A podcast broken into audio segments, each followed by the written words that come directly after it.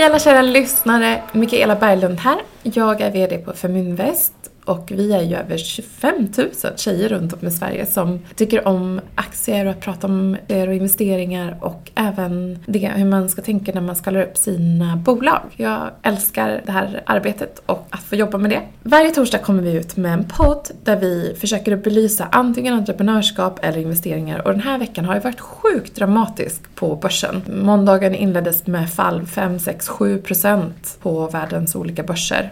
Och eh, det var ju en utlösande effekt efter OPEC-förhandlingarna runt oljepriset som misslyckades och även Corona ligger ju som en blöt filt egentligen över börserna. Så att eh, det här är för dig som är kortsiktig, ja absolut en möjlighet att klura på om du vill ta ut någonting utav det du sparar, om du behöver pengarna inom kort. Men om du är långsiktig så ska jag säga att det ger goda möjligheter att, eh, att fynda lite bättre priser. För det är ju så att översikt så tror vi har visat sig historiskt att börsen går upp. Men innan vi drar igång den här veckans avsnitt där vi kommer prata med Johanna Englund om just fonder och hur man ska tänka och diversifiera sig runt fonder så vill jag presentera den allra första praktikanten som jag har. Underbara Amanda. Ja, hej! Tack snälla! Det är så himla kul att få vara med och jag har ju aldrig gjort podd förut, vilket är jättejättekul. Men ja, jag heter Amanda Ökvist och jag bor i Järna utanför Södertälje. Eh, jag går fortfarande i gymnasiet, men jag tar äntligen studenten till våren, vilket är så himla skönt och extremt efterlängtat. Men just nu så driver jag ett UF-företag tillsammans med mina klasskompisar, vilket ni kan läsa mer om på Feminvest hemsida. Men nu har jag i alla fall praktik här och jag har fått äran att vara med Feminvest, vilket jag tycker är helt fantastiskt. För det har varit så himla kul. Jag har varit här i en vecka nu och det har varit så lärorikt. Men nog pratat om mig. Jag tycker verkligen att vi ska dra igång veckans avsnitt med att presentera veckans samarbetspartner Best Secret. Ja men eller hur, bra idé. Vi är superglada över att Eh, vi har ett erbjudande från Best Secret som vi kan erbjuda er, för mest lyssnarna. Och det är en möjlighet att bli medlem i deras shoppingklubb. Best Secret är en exklusiv modesajt och shoppingklubb där man får tillgång till Härliga och grymma varumärken, men till riktigt schyssta priser. Alltså upp till 80% rabatt.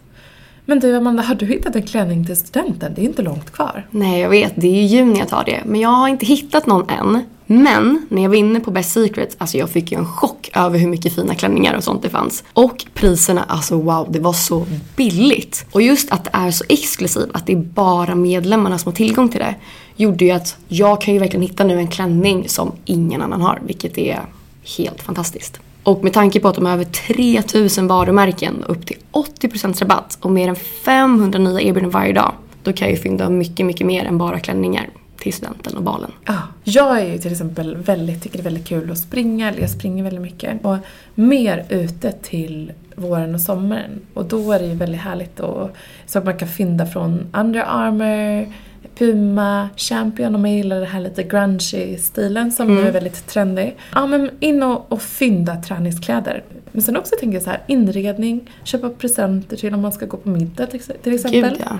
Och så finns det ju barnkläder också. Exakt. Kanske många liksom ska på baby showers och sådana saker som kan hitta något fint där. Mm. För att bli medlem på Best Secret så har vi på Feminvest fått en länk och det är www.bestsecret.se feminvest.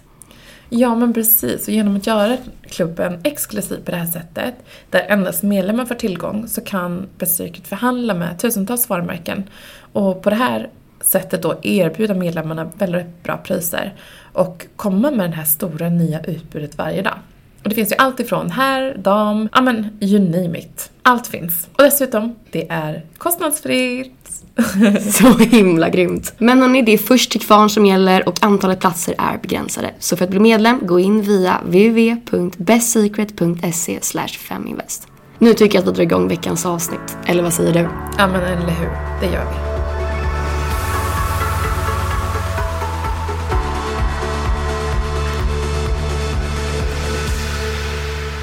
Då är vi igång!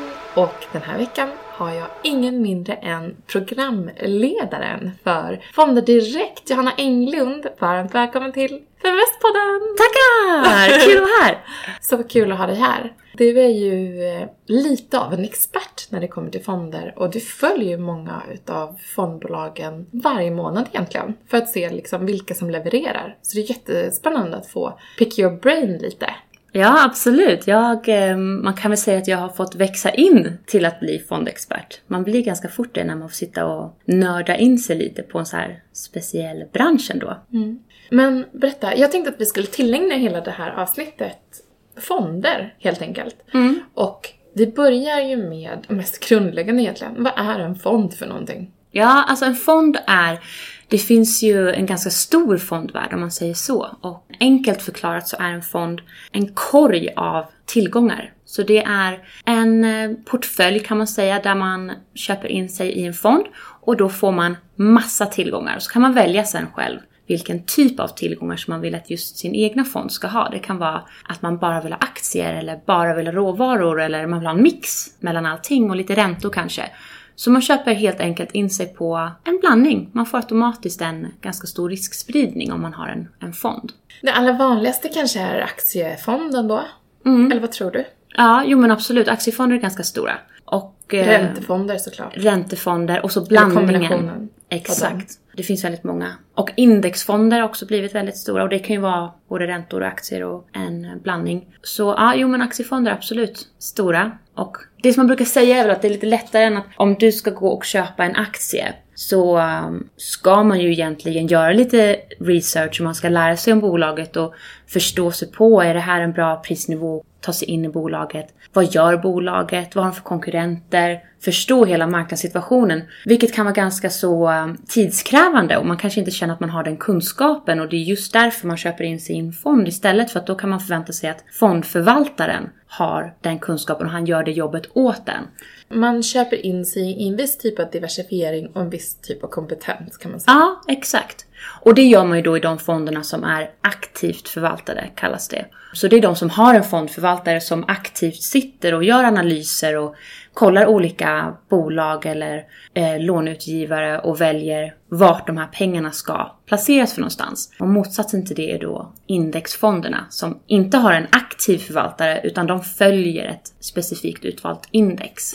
Som OMXS30 exempelvis, eller Mm. ja, men de 30 mest omsatta bolagen på börsen. Ja men precis, och då följer de exakt hur de 30 bolagen utvecklar sig. Och så, Men det skiljer sig ändå, om man tittar på indexfonder så skiljer sig ändå innehavet i procent. mm, En del indexfonder kanske väljer att lägga tyngden och ha lite större innehav i något bolag mm, jämfört med vad ett annat bolag har. Absolut. Så det kan ju skilja sig där också. Men eh, en hedgefond då, eller en he- hedgefond? Ja, Svenska också. ja men absolut. Och det, det är ju det. Hedge kommer ju från engelska. För det står ju för häck egentligen. Att man ska skydda sin lilla portfölj med en, med en häck eller ett staket. Och de är lite friare. Vanligtvis så har ju aktiefonder, de har lite regler och de måste följa vissa regler och hur de ska investera och vilken strategi de har. Men hedgefonder är lite friare. Tanken med dem är ju att de ska kunna skydda mot eh, när börsen går ner. Så istället för att, om man säger senaste veckorna har det ju varit väldigt turbulent på marknaden. Och då går ju ens fonder också ner. Men en hedgefond i teorin ska kunna klara av börsnedgångar också för att de kan jobba med lite andra, med lite andra verktyg egentligen. Men där skiljer sig mycket från hedgefond till hedgefond. Så där måste man verkligen läsa på och förstå vad det är de olika hedgefonderna gör och vad de investerar i. Men de är också aktivt förvaltade. Ja, absolut. De är aktivt förvaltade. Vad, eh, om man liksom med andra typer av verktyg som du säger, det är ju till exempel att man hedgar mot att man tror att det ska bli en nedgång så kanske man helt enkelt bettar på det. Ja, exakt. Då kanske man, det brukar ju oftast vara så att man då kortar marknaden. Man lånar någon annans aktier eller råvaruinnehav.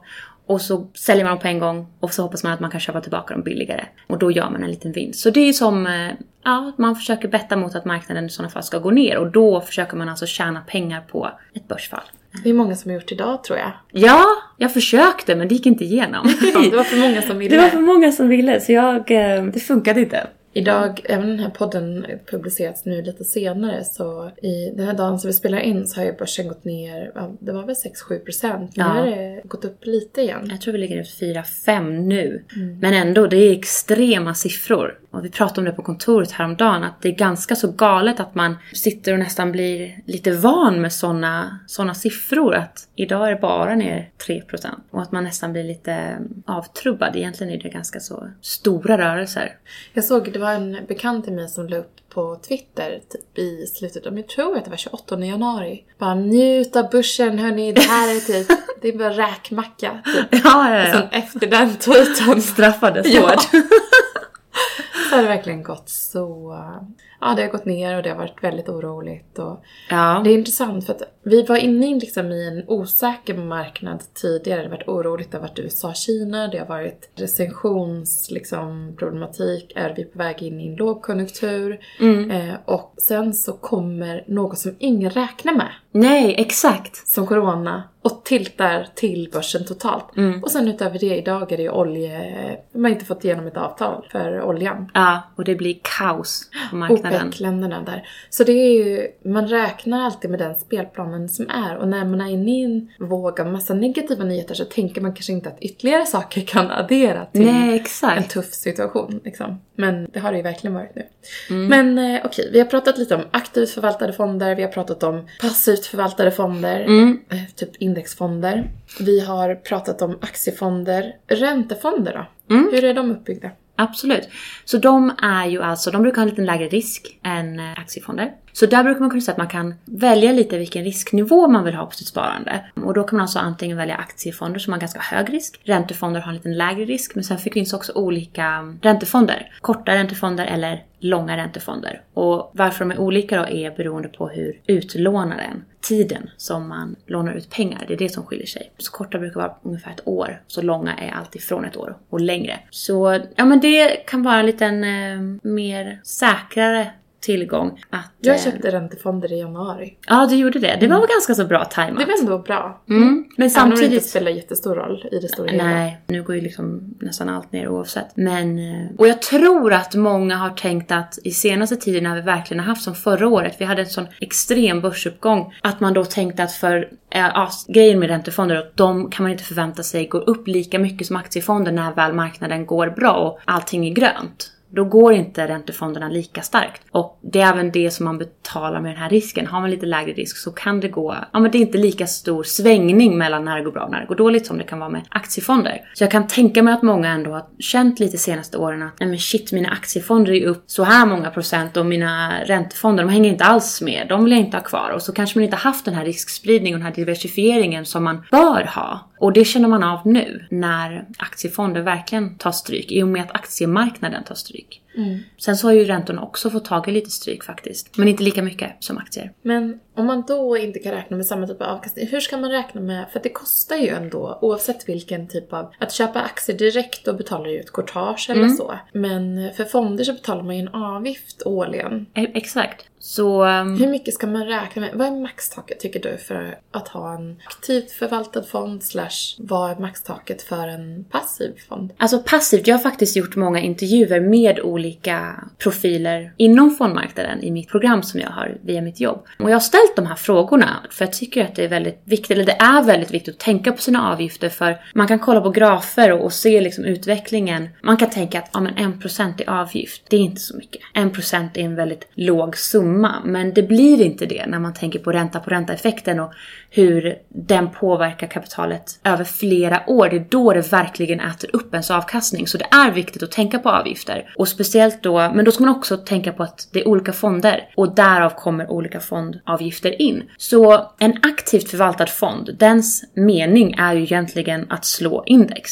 Du betalar mer för en aktivt förvaltad fond för att den ska slå indexet. Om den inte slår indexet, då finns det ingen anledning att betala en högre avgift för då skulle du lika gärna kunna ha en indexfond. För att den följer ju det här indexet. Och när vi pratar om indexfonder då brukar rekommendationen vara att utifrån de som jag har gjort intervjuer med i alla fall, max 0,4%.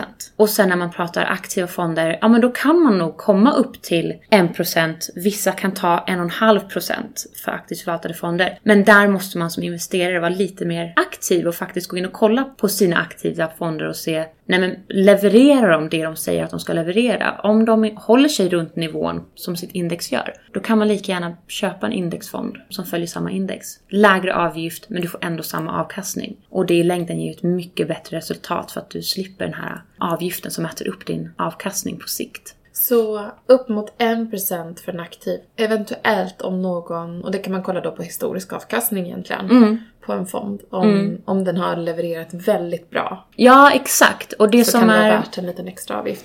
Är det någon Ja. fond som du tänker på som alltid liksom levererar? Som är aktivt förvaltad? Ingen sådär speciellt som bara kommer upp nu. Jag själv är eh, faktiskt dålig på att investera i aktivt förvaltade fonder. Jag, eh, man kan ju tänka sig att jag kanske borde göra det med att jag sitter och jobbar med fonder varje dag.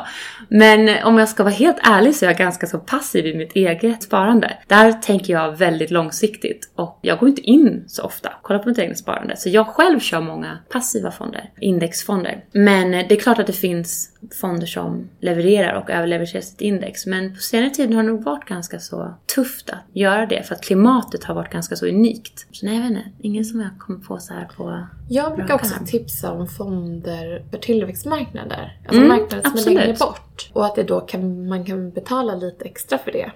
Ja, för man får ju också tänka på att en bra anledning till att köpa en fond är att man kan nå marknader som man annars inte skulle kunna nå. Man skulle ju såklart kunna göra det, men det skulle vara väldigt dyrt att köpa en aktie i ett bolag i eh, en tillväxtmarknad. Och ibland kan man inte ens, för att vi kommer inte åt de marknaderna och de börserna. Så det är klart att där kan man ju eventuellt tänka att det är värt att betala lite extra avgift, för att då kommer man åt de marknaderna. Och man får ändå en exponering mot tillväxtmarknaderna som hade varit väldigt svårt att få utan att man är investerad i en fond. Vet du vilka som är de mest populära fonderna i Sverige? Det har ju börjat vara eh, aktiefonder, aktivt förvaltade fonder har ju under en väldigt lång tid varit extremt populära. Men eh, indexfonder börjar knappa in, de börjar komma ikapp. Men än så länge är det aktiefonder. Om man tittar internationellt, jag vet att USA har kommit mycket längre exempelvis när det kommer till indexfonder. Många fler har den typen av innehav där. Och sen så en annan sak som är intressant också är att eh, utomlands så är det ju väldigt populärt med ETFer. Vilket inte riktigt har tagit plats i Sverige än. Det finns ju lite ETFer och ETFer är alltså börshandlade fonder. Och då pratade jag med en, eh, jag hade så svårt att säga hans namn när jag skulle intervjua honom. alltså jag övade, jag satt och, för han är fransman, jag har inte pluggat franska överhuvudtaget. Och han heter Match, Mathieu Molu. Lät bra. Och jag ville säga, jag ville bara, kan jag säga Matthew? Funkar det? Så han, han jobbar på Lyxor, som är eh, ett franskt bolag. Och de, eh, de håller på med ETFer. Så han kom och pratade med mig om det här och vad är en börshandlad fond och vad finns det för fördelar med att handla börshandlade fonder? Varför ska man göra det? Vad finns det för fördelar? Ja, men så det som är fördelen med dem är att det är lättare att handla. Om vi säger att man ska köpa en fond i dagens läge, så det kan ju ta uppemot en vecka innan ens köp faktiskt går igenom och man ser sina fonder på sitt sparkonto. Vilket egentligen är en ganska konstig utveckling. Att det fortfarande tar så lång tid att få igenom ett fondköp eller en försäljning. Jag tänker att vi har kommit ganska långt med teknik men det tar ändå så lång tid. Så det är ju positivt med en ETF. Då, då köper du den som en aktie. Den handlas dagligen och du ser den direkt och du kan sälja den direkt om du vill. Vanligtvis så har ETFer också, ja men de har ganska låg, låg avgift, i alla fall de på Lyxor. Men det är samma sak där, man får en stor spridning lätt, investerar i många, många olika bolag. Som, du vet att råvaror är ganska vanligt ändå. Mm. Att man köper, om man vill få exponering mot guld exempelvis. Ja men exakt, och det kan ju annars vara svårt att få exponering mot. Så där finns det absolut Det är möjligheter. både skrymmande och tungt och... Ja men exakt, och lägg under madrassen. Ja. det funkar nog inte. Men eh, sen vet jag att folk på svenska, jag kommer ihåg att jag la upp den här intervjun som jag gjorde med Matthew. ehm, och då, Matthew. han sa att man skulle tänka på att man säger achu, Ja. Matthew. Att, eh, så fick jag en kommentar att eh, det är olagligt att handla med ETFer i Sverige. Och då tänkte jag shit, om folk tror att det är olagligt att handla med ETFer, då är det klart att man inte riktigt vågar köpa en sån. Och det är många ETFer som har avnoterats senaste tiden, för de har inte fått tillräckligt mycket kapital. Det är inte folk som köper dem. Och då har de inte, ingen möjlighet att vara kvar på Men är inte det lite så med fonder också? Mm. Att det finns ett ex- extremt stort utbud och kommer alla kunna leva kvar? Det går ju inte. Nej, och det har man ju sett på senaste tiden också. Det har ju en trend som man kan se på fondmarknaden. För att det finns så ofantligt många fondbolag. Och det har börjat bli förvärv. Verkligen. Folk blir uppköpta och de börjar slås ihop. Speciellt nu när folk är medvetna om avgifter. Att eh, man inte vill betala för mycket för en fond. Folk sitter inte kvar till lika stor utsträckning nu som de kanske gjorde förut och betalar hutlösa avgifter för fonder och det är där de får in sina pengar. Så det är mer förvärv och det minskas lite hela tiden. Och en stor, det är bara att kolla på premiepensionssystemet, fondtorget där, de har ju dragit ner hur mycket som helst från som mest 800 fonder och nu ska det vara runt 150 till 200. Så det är många som försvinner. En trend som man ändå ser i kölvattnet av att många fonder inte överlever, det är ju eh, hållbarhet eller impactfonder av olika slag. Om man är intresserad av hållbarhet, vad för typ av fonder ska man titta på då? Om man tror på, om vi säger här, Morningstar. De har, jag tror att många är familiar med Morningstars stjärnbetyg. De betygsätter fonder utifrån hur de har presterat över tid jämfört med andra fonder i samma kategori. Och så får man fem stjärnor om man eh, är bland de bästa och en stjärna om man är bland de sämsta. Men de har också ett ESG-betyg, så de har också ett hållbarhetsbetyg som är deras små jordglober. Och de kan man absolut kolla på för att se hur fonder ter sig då. Men då ska man också tänka på att det här är jämfört med de andra fonderna i samma kategori. Så där kan man absolut kolla om det är en fond. Om man tycker det är viktigt med hållbarhet så kan man hålla utkik efter de där jordgloberna. Och det står jättemycket på Morningstars hemsida hur de har räknat ut det här och vilka parametrar de har tagit hänsyn till. Men också tänka på det här med greenwashing. Det har ju varit ganska mycket kritik mot fonder som kallar sig för hållbara och Och har fått miljövänliga. bli kallade hållbara av även, alltså det är ingen som Ja. har kritiserat dem. Nej, exakt. Att så länge man slänger in ordet hållbar eller sustainable i sitt namn så tror folk att ja, men då betyder det att jag investerar i någonting hållbart. Och sen när man börjar kolla närmare på deras innehav så stämmer det inte alls. Utan de kan investera i bolag som korrupta eller som oljebolag om man nu alltså fossila bränslen. Så det finns, det har verkligen funnits en liten smutsig del där i fondbranschen att folk har Det har investerat bara varit ett sätt, för det har varit efterfrågat av investerarna. Så det känns som, från mitt perspektiv så känns det som att det varit ett sätt att tjäna pengar på. För att folk Ja, här, "Ah, absolut. men det här vill jag investera i. Ja men då säger vi att det är det här vi har. Och så har de tagit mer betalt för det. Och om man kollar på det var ju också en, stor debatt att, ja men, ska man ens behöva betala mer för en hållbar fond? Varför? Varför ska man behöva ta en avgift, en ytterligare avgift för att man vill investera hållbart? Är det verkligen dyrare? Och det har ju inte visat sig vara. Och det har inte tagit avkall på um, utvecklingen heller, för många har sagt att nej men investerar man i en hållbar fond så får man räkna med en, en lägre avkastning. Vilket inte har visat sig stämma. Utifrån de artiklarna och, och det jag har läst så har det varit så att nej men det stämmer inte riktigt utan det, det går att göra lika bra vinster om inte mer i bolag som är hållbara. Och man behöver inte betala en högre premie för det utan det funkar alldeles utmärkt att betala en vanlig. Finns det några andra typer av etiketter på hållbara fonder? Ja men Svanen exempelvis. Ja, nej, men det finns ju lite olika um, Svanenmärkta fonder. Mm, exakt. Så det går ju att hålla ut, utkik för lite olika betygssättningar som finns. Men jag tror också att om man verkligen, om det är en stor del och ett stort intresse som man har, och man tycker att det är jätteviktigt, så är det nästan bäst att man kollar vad de faktiskt investerar i för bolag och om man tycker att de bolagen står för någonting som man själv kan stå bakom. Mm, det är bra. Så är det ju verkligen. För att hållbarhet är ju idag, även om det finns ett omfattande hållbarhetsarbete, så är det ganska godtyckligt ändå vad man själv tycker om Verkligen. hållbarhet. Någon tycker att det bara ska vara bolag som är absolut hållbara idag, det vill säga typ solenergi eller vindkraft eller vad det kan vara. Mm. Medan andra tänker att ja, men om man jobbar mot att klimatkompensera genom företaget eller organisationen och ta ansvar och ge, give back eller pay it forward så är det tillräckligt? Mm. Medan en tredje känner att nej, men egentligen tycker jag bara att ett, om ett bolag har en ambition om att minska utsläppen till 2030, då tycker jag det är tillräckligt. Ja. Så man får liksom utgå ifrån vad, man själv tycker. Men jag tycker ändå Proetos fond är spännande. Mm, verkligen. Den har jag lite, den har jag pratat med mycket, mycket folk på jobbet om faktiskt. Det är lite folk på jobbet som, som har den fonden. Så den, eh, den står på min långa lista av gäster att bjuda in och prata med. Jätte, jättespännande, verkligen. Och det är ju en fond som har delvis ganska låg eh, förvaltningsavgift Mm. mot bakgrund av att de startade fonden för att de vill eh, gå emot det att hållbarhet skulle kosta.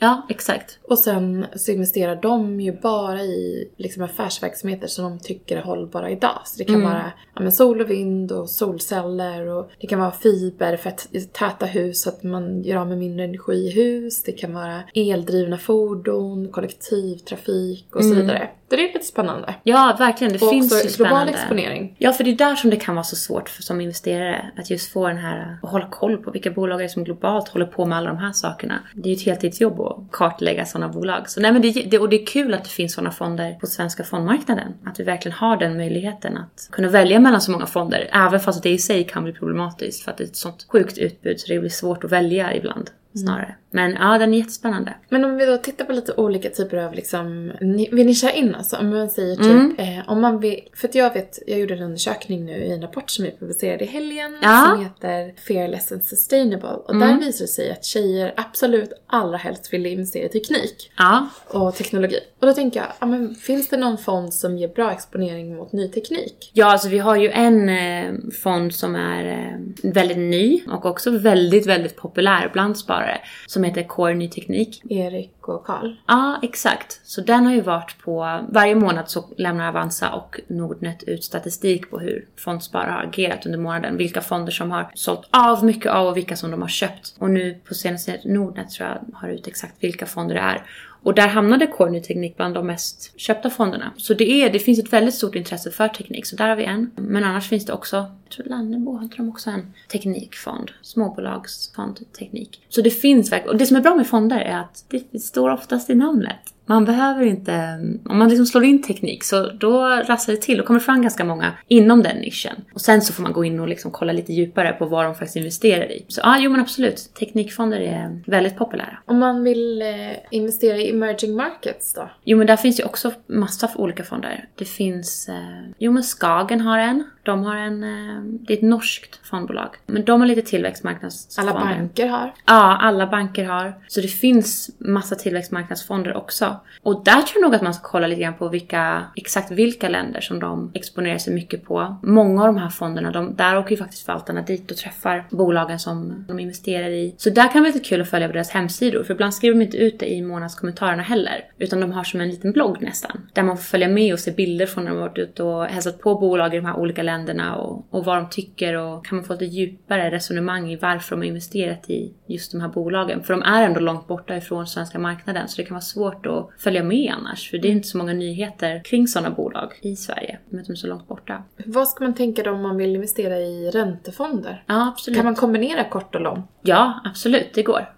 Och där tror jag bara att man får... Eh, ofta så brukar folk tycka att räntefonder låter väldigt tråkigt. Men eh, jag tycker att det är ett bra skydd mot sådana här börsnedgångar som vi har sett och att man ska tänka lite på sin riskspridning och diversifiering och försök bara kolla på de olika, olika räntefonderna som finns. Vad är det man tror på? Om man vill ha lång eller kort. Man kan blanda båda som du säger. Kolla lite på avgifterna och kolla på hur de har gått historiskt. Men 2019, vilka fonder gick bra då? 2019 så var det fastighetsfonderna så kan man väl säga. Det, var, det gick mycket bra för fastighetsfonderna. Småbolagsfonder gick också bra. Och det avspeglar sig egentligen hur marknaden såg ut som helhet. Det var mycket, mycket småbolag som gick bra. Vinstmultiplarna ökades. Också osäkerhet runt industri och lite så här, jag vet att ja, men i Tyskland exempelvis har man ju haft lite osäkerhet för de siffrorna som har levererats runt ja, men tillväxten och bilindustrin och så vidare var ju ganska negativa under förra året. Ja, verkligen. Och ja, likaså Kina och USA, den liksom utdragna konflikten som har Mm. hållit på nu i ett par år har ju också ja, men påverkat att det var lite fram och tillbaka på de marknaderna, även om USA i helhet gick väldigt bra. Ja, exakt. Men Ja. 2020 då, vilka har öppnat starkt? 2020 så var det, det var många, om vi säger så här, företagsobligationsfonder har gått ganska bra. Nu ska det bli jättespännande att få Och se. vad är företagsobligationsfond? Så företagsobligationsfonder, de eh, investerar helt enkelt i, eh, om vi säger att företag vill ha finansiering. Så istället för att låna från en bank så kan man låna från andra finansiella institut eller personer eller och så det är där de får sitt kapital och sen så betalar de en ränta då såklart till lånutgivaren. Så det är där de får in sina intäkter. Så där kan man väl säga att jo, men de har gått väldigt bra. Men eh, det ska bli kul att se hur de har klarat sig nu i februari. För det är de rapporterna som börjar komma in nu mot mitten av mars. Hur de verkligen har klarat sig, eh, vad de tycker. Det var lite oro om det faktiskt skulle vara något, eh, att folk ens skulle våga låna ut pengar till företag heller. I och med att det har varit den här konjunkturoron och recessionsoron eh, efter coronaspridningen. Hur ska företag klara sig om de måste stänga ner och inte vara verksamma och up and running? Så där har också varit en oro, även fast man egentligen brukar kunna vända sig till räntor och företagsobligationer när marknaden är lite skakig. Så är det såklart att det också påverkas. Men alltså räntefonder, obligationsfonder. Sen så var det ju lite bra där ett tag för Eh, ja, men lite olika fondklasser. Det som jag tycker är spännande är att kolla hur hedgefonderna faktiskt har gått nu. För det har ju varit mycket snack från deras sida, ja men det har inte riktigt varit deras marknad. Nej. Det har gått för mycket upp och det har varit svårt att kanske ligga kort i marknader eller aktier. Så nu känner jag väl lite, lite så här upp till bevis. Nu när det verkligen har gått ner. Har ni eh, bara snackat eller har ni någon liksom strategi Ja, som för det har ju funkar? nedgång. Det har varit en nedgång med hedgefunder. Ja. Hedgefunder. jag kan inte säga. Det är så konstigt att blanda så här, Ja. engelska och svenska.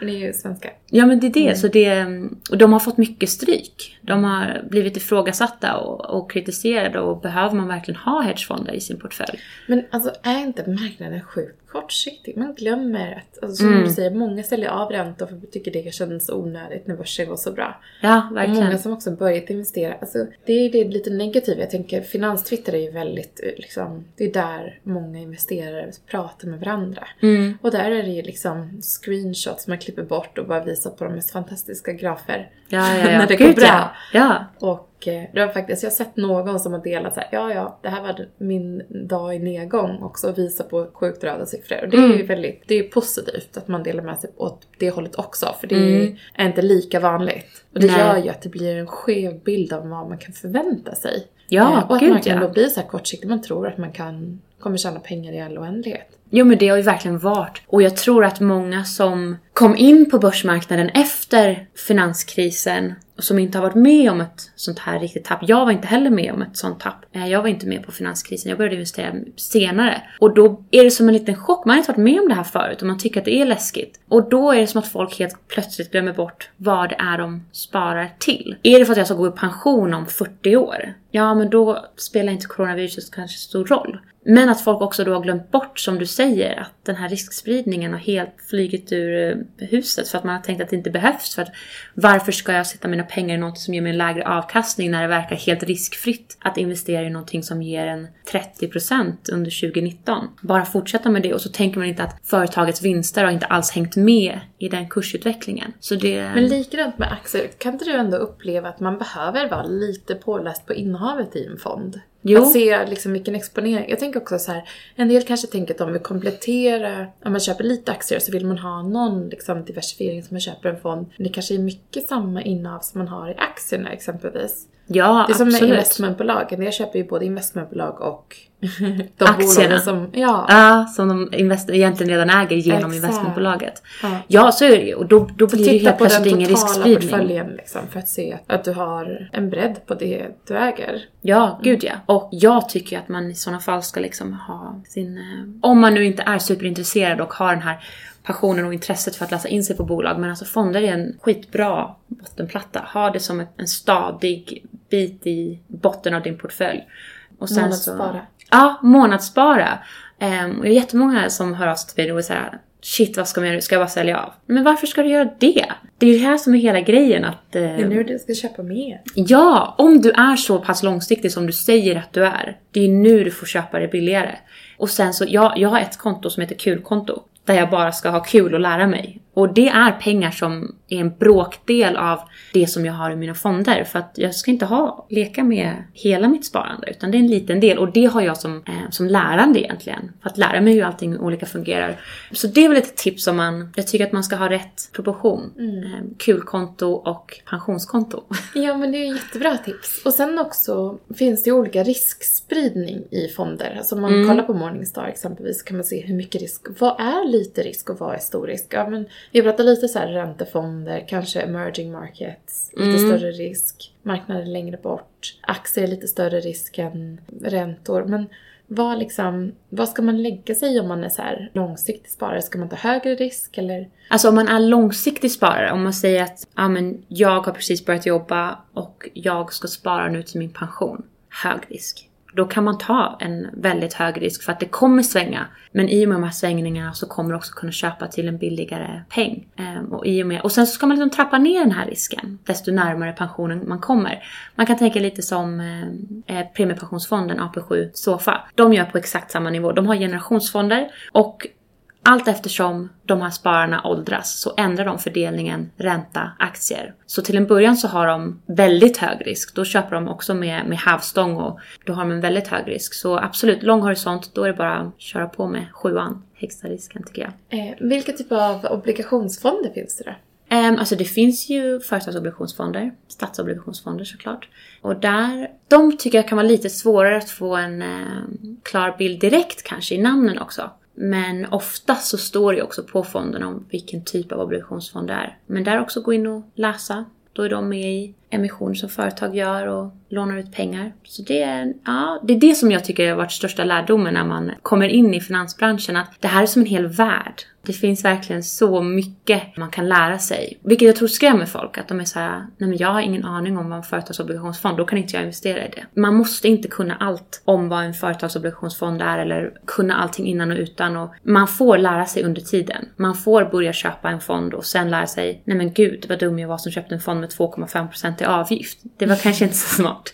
Men då kan man byta. Man behöver liksom inte tänka att jag ska naila det här nationella provet om fondsparande innan jag får börja spara. Utan det är helt okej att börja och sen lära sig på vägen. För att ingen kan allt och man kommer inte kunna allting. Och det märker jag när jag träffar fondförvaltare också. Jag kan ställa en fråga om någonting som de inte håller på med. För att jag kanske spånar på en ny idé om ett nytt program och då är de så här, nej men det har inte jag koll på, det är inte mitt område. Vilket också jag tycker kan vara lite tryggande så här att, ja ah, men okej. Det är lugnt liksom. Man behöver inte vara 100% insatt i allt i hela finansvärlden för att kunna spara. Vet du då hur stort innehav svenskarna har i fonder jämfört med aktier? Ägande liksom. Det måste vet vara inte. mycket större i alla fall. Ja, jo men det är det. Man brukar säga, jag vet att fondbolagens förening, de skickar ut rapporter varje eh, månad om hur svenskarna har agerat och eller hur deras fondägande har förändrats. Jag vet inte exakt vilken procent det är eller hur stor summan är. Jo, men det vet jag ju. Det har jag ju skrivit om, men det är ju eh, några miljarder i alla fall. Men vi är ett så här fondsparande folk. folk. Vi är en fond, ett fondsparsfolk, befolkning som bara älskar fonder. Nej, men vi gör det till en väldigt stor del och till en mycket större del än vad andra länder faktiskt gör. Så vi, eh, vi gillar våra fonder. Men då tycker jag man ska gilla rätt fonder så är det verkligen att inte hitta rätt, för det är en djungel. Så vi har fått djungel. jättebra tips. Lite olika typer av fonder beroende på vilken risk man vill ta. Och man kan gärna blanda lite där. Absolut. Tänk på historisk avkastning, Mm. tänk på avgiften. Och sen så kan ju, alltså förvaltare, en del är ju duktiga förvaltare och de kan ju hoppa runt lite också. Ja, Så man kanske exakt. köper in sig i en, en duktig förvaltare som inte stannar kvar. Det kan man ju också, det är bra att följa. Och där kan man också tänka på att det kan ju vara så att om du, historisk eh, avkastning kan ju också vara så att en fond har haft en speciell förvaltare ett tag och då har de levererat en viss avkastning och sen så kanske de har bytt förvaltare. Så det ska man också tänka på att är den här avkastningen, om det nu är en väldigt aktivt förvaltad fond. Så att som du säger, håll koll på förvaltaren också. Betala lite för en passiv fond, Mm. lite mer för en aktiv fond, men inte för mycket. Mm. Och där är 1% är okej. Över det, tänk efter och kika lite på den där historiska avkastningen om det faktiskt är värt det. Verkligen. Och sen eh, räntefonder som ett komplement och fondspara varje månad. Ja, Säger verkligen. Säger jag. Jag säger fondspara varje månad. Tänk på din långsiktiga... Jag repeterar mitt mantra nu i sådana här tider när börsen går ner liksom 7% på en dag. Det är så här långsiktigt, långsiktigt, långsiktigt. när man ser det är skittråkigt att logga in på sitt konto och se så jädrans röda siffror. Det är inte kul. Det är inte därför man sparar. Man sparar ju för att man ska få en eh, bättre avkastning. Man vill inte gå minus. Men eh, det är bara, jag gick på den där niten eh, förra hösten tror jag när jag gick ner och tänkte jag var lite nervös och sålde jag av några lite innehav. Ja, men sen så då förlorade jag på det för då var ju inte med i uppgången igen på just de innehaven. Så det, nej, tänk långsiktigt. Du, tack för att du var med i dagens podd. Tack så jättemycket för att jag fick komma! Och eh, in och titta på ditt program. Ja, fondfunderingar. Jag har många fondfunderingar så det är bara att kolla. Ah, kul. Ha det så bra. Ha det så bra, hej!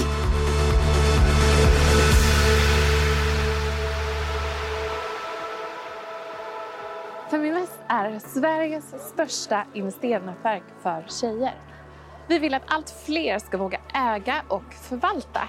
Och hur gör vi då detta? Jo, vi vill inspirera, utbilda och utmana runt ägande, investeringar och entreprenörskap.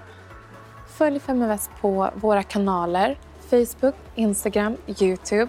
Varje vecka så kommer vi även ut med en podd och du kan ju självklart även följa nyheterna som publiceras på feminvest.nu. Det är bara att söka på Feminvest på samtliga kanaler så hittar du till oss.